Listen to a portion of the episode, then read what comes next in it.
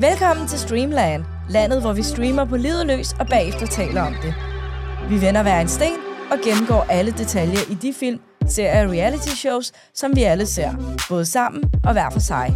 Hop ind på vores Facebook-gruppe Streamland og deltag aktivt i debatten. Jeg er din vært, Esme Emma Sytje.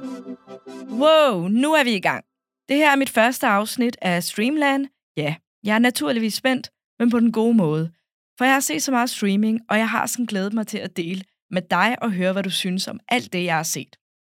Lidt om mig selv, inden jeg går i gang. Jeg er 42 år og mor til en pige på 10 år. Vi bor på Frederiksberg, og min baggrund er noget blandet. Jeg er uddannet nyhedsjournalist, og så står jeg bag influencerbureauet Momster, og jeg er kæmpe tv- og filmnørd. Jeg er så vild med film faktisk, at jeg i 2007 søgte ind på filmskolen på instruktørlinjen.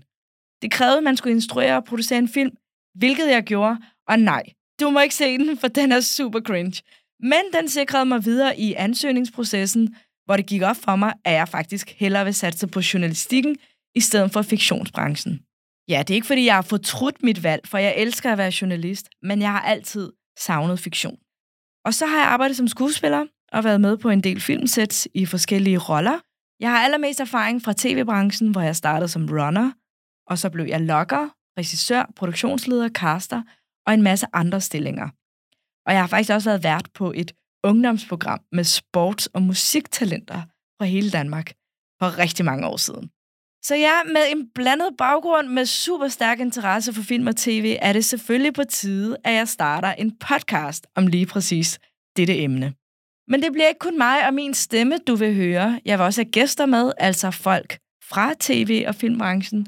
Det kan både være skuespillere, instruktører, og så bare filmnørder som mig.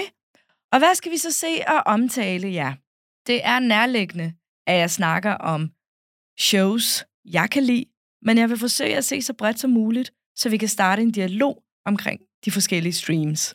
Og så vil det jo også presse mig til at se noget, jeg normalt ikke vil se, hvilket jeg vil tage som noget positivt, for ja, man kan jo overraskes. Så lad os komme i gang.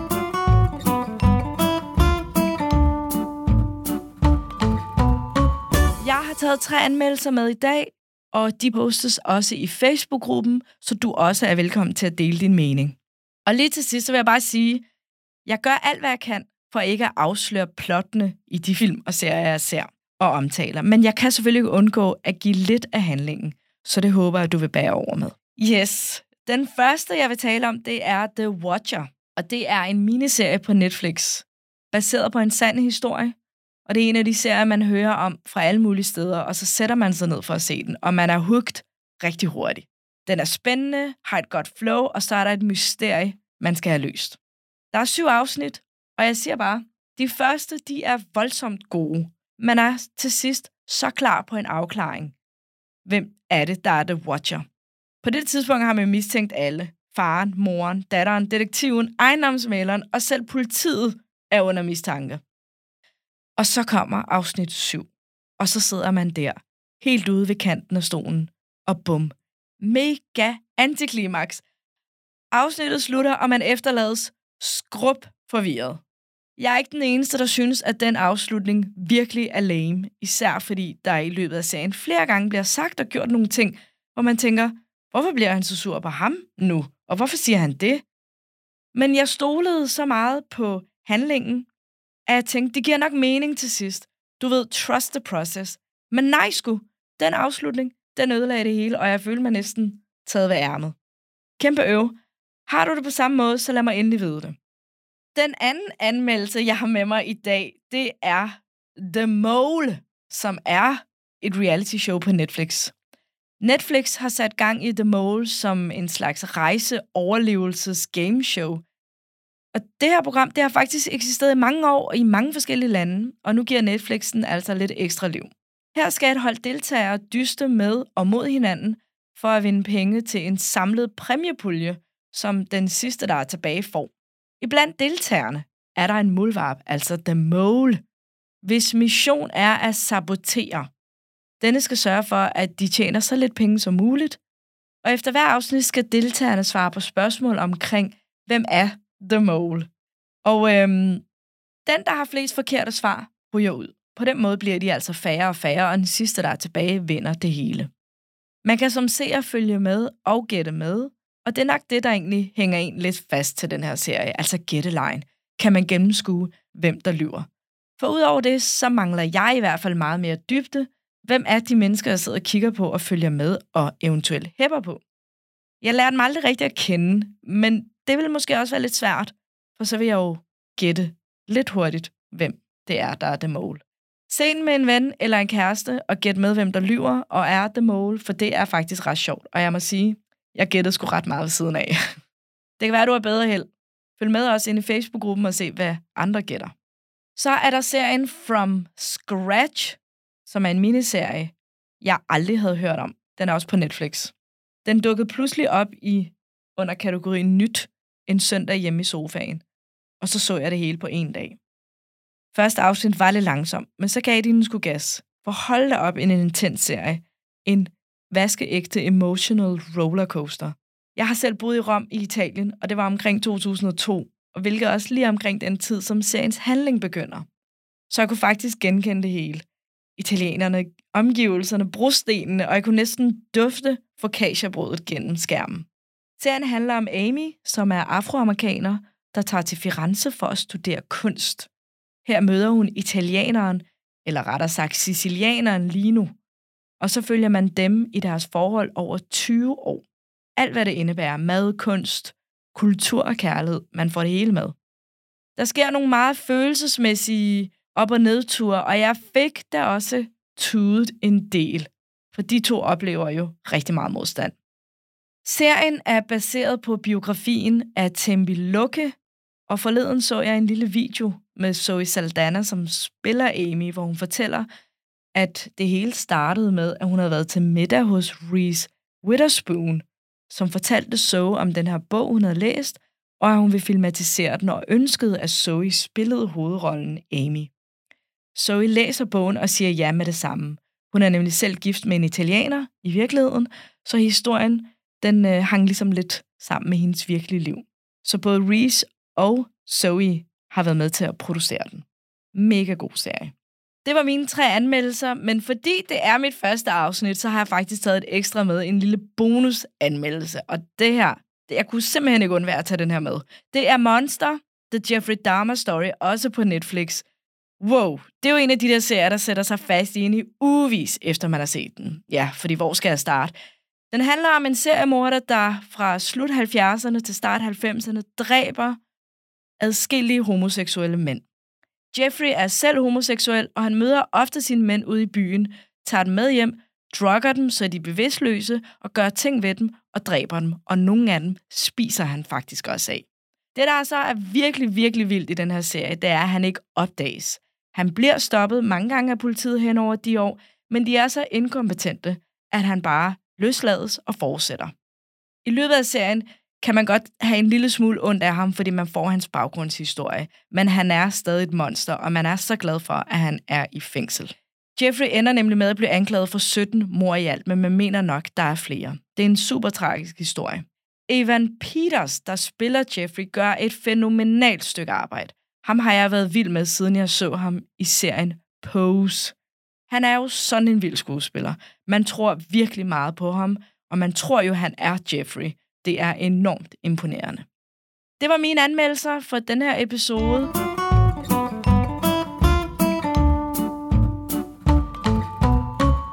Det bliver sådan her, at jeg i hvert afsnit kommer til at spørge mine gæster om deres tre bedste.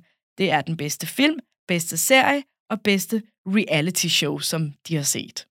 Og øh, i det her første afsnit, så vil jeg da gerne fortælle om mine. Først vil jeg da lige starte med at sige, at det, der gør, at jeg synes, noget er godt, er en blanding af mange forskellige ting. Men især to ting er afgørende. Det første, det er skuespilleren, at denne god, og giver den noget, han, hun, noget ekstra til rollen, han, hun spiller. Og nummer to, det er replikkerne. Den dialog, rollerne har med hinanden, er så vigtig for, at jeg kan blive hængende på en serie eller film. Hvis jeg sidder og tænker, hvorfor siger han det, eller hvorfor svarer han det, når hun spørger om det, så ryger jeg rimelig meget ud af flowet, og så bliver det hele jo så fake. Og det er hele jo, er jo fake. Det er jo ikke ægte, når jeg sidder og ser en film og serie. Men jeg skal jo gerne tro, at det er ægte. Handling er naturligvis også vigtig, men jeg er ikke så krævende ved at sige, jeg kan godt se en film med samme plot, som mange andre film har. For eksempel, de fleste kærlighedsfilm er jo basically det samme. Boy meets girl, konflikt opstår, og de ender sammen til sidst. Men hvis skuespillerne er gode, og der er god dialog, så er jeg hooked fra første sekund. Men her kommer mine tre bedste. Min allerbedste film, det er Rocky, den allerførste fra 1976. Jeg elsker historien om, hvordan The Underdog bliver Top Dog. Og som vi alle ved, så vinder Rocky jo ikke kampen i den første film. Men det er fuldstændig lige meget, for det er det, at han er med i kampen. Han tog chancen, og han lyttede til sig selv, der tæller. Og det er jo ikke, fordi historien og plottet er særlig mættet. Den er jo faktisk ret tynd. Men det er den karakter, Sylvester Stallone, han bare spiller, der er det afgørende. Som der også står i Rotten Tomatoes. In addition to a hard-winning script, Stallone has created on the screen a character of enormous appeal and charm, half articulate but funny, gruff but good-hearted. Det er lige præcis sådan, jeg vil beskrive den her karakter Rocky, som vi alle sammen kender. Fun fact, der er lavet fem Rocky-film. Den sidste blev lavet i 1990, men så kom der lige sekseren i 2006 og fik rigtig gode anmeldelser. Og derefter er der kommet Creed 1 i 2015, Creed 2 i 2018, og træeren den kommer næste år i 2023 med Michael B. Jordan i hovedrollen, som spiller søn af Apollo Creed. Og Apollo Creed var jo ham, Rocky tabte over i etteren, men som så vandt over i toeren. Jeg ved godt, jeg afslører det, men jeg tænker, det er sådan en gammel film, og vi alle sammen har set den, så det er okay. Min favorit reality, det er helt klart 90 Days Fiancé. Det er jo efterhånden blevet en kult serie for rigtig mange mennesker. Den handler om, at folk mødes på tværs af landegrænser. Jeg elsker den her serie og alle de spin-offs, der er blevet lavet, fordi jeg synes, det er en slags kulturserie. Ja, det er en kærligheds-reality-serie, men den handler også rigtig meget om, hvordan folk er i andre lande. Jeg elsker selv at rejse, og har også altid godt kunne lide rejseserier. Jeg har set alt fra Kløvedal på vandet og Anthony Bourdain, der spiser sig gennem verden. Jeg synes ikke, der er så mange fede rejseserier længere, faktisk, hvis jeg skal være helt ærlig. Og her overrasker 90 Day Fiancé mig rigtig meget.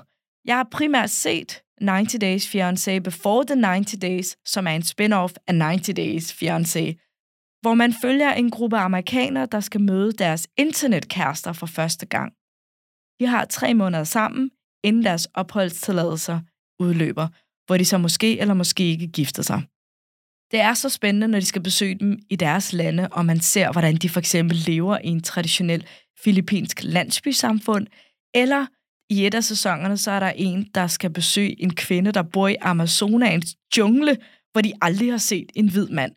Det er virkelig fedt tv, synes jeg. Af min absolut yndlingsserier, jeg har simpelthen ikke kunne vælge en, så jeg har taget to. Og den ene er jo en komedieserie, og den anden er en dramaserie. Komedieserien, det er Friends. Den kender alle. Og dramaserien, det er The Wire, som er altså vanvittigt god. Det er to geniale serier, som man kan blive ved med at se igen og igen. Karaktererne er uforglemmelige, og replikkerne som How are you doing? Eller You ate my sandwich fra Friends kender vi jo alle sammen. Eller den replik, som, okay, nu skal jeg prøve at sige det, men shit fra The Wire er jo kommet for at blive. Ingen af os kan lade være med at sige dem forever. De sætter sig fast. Og det er jo ikke nemt at have replikker eller karakterer, der sætter sig fast efterhånden, når der spyttet så meget ud af Hollywood. Så de her to serier, dem er virkelig mine all-time favoritter.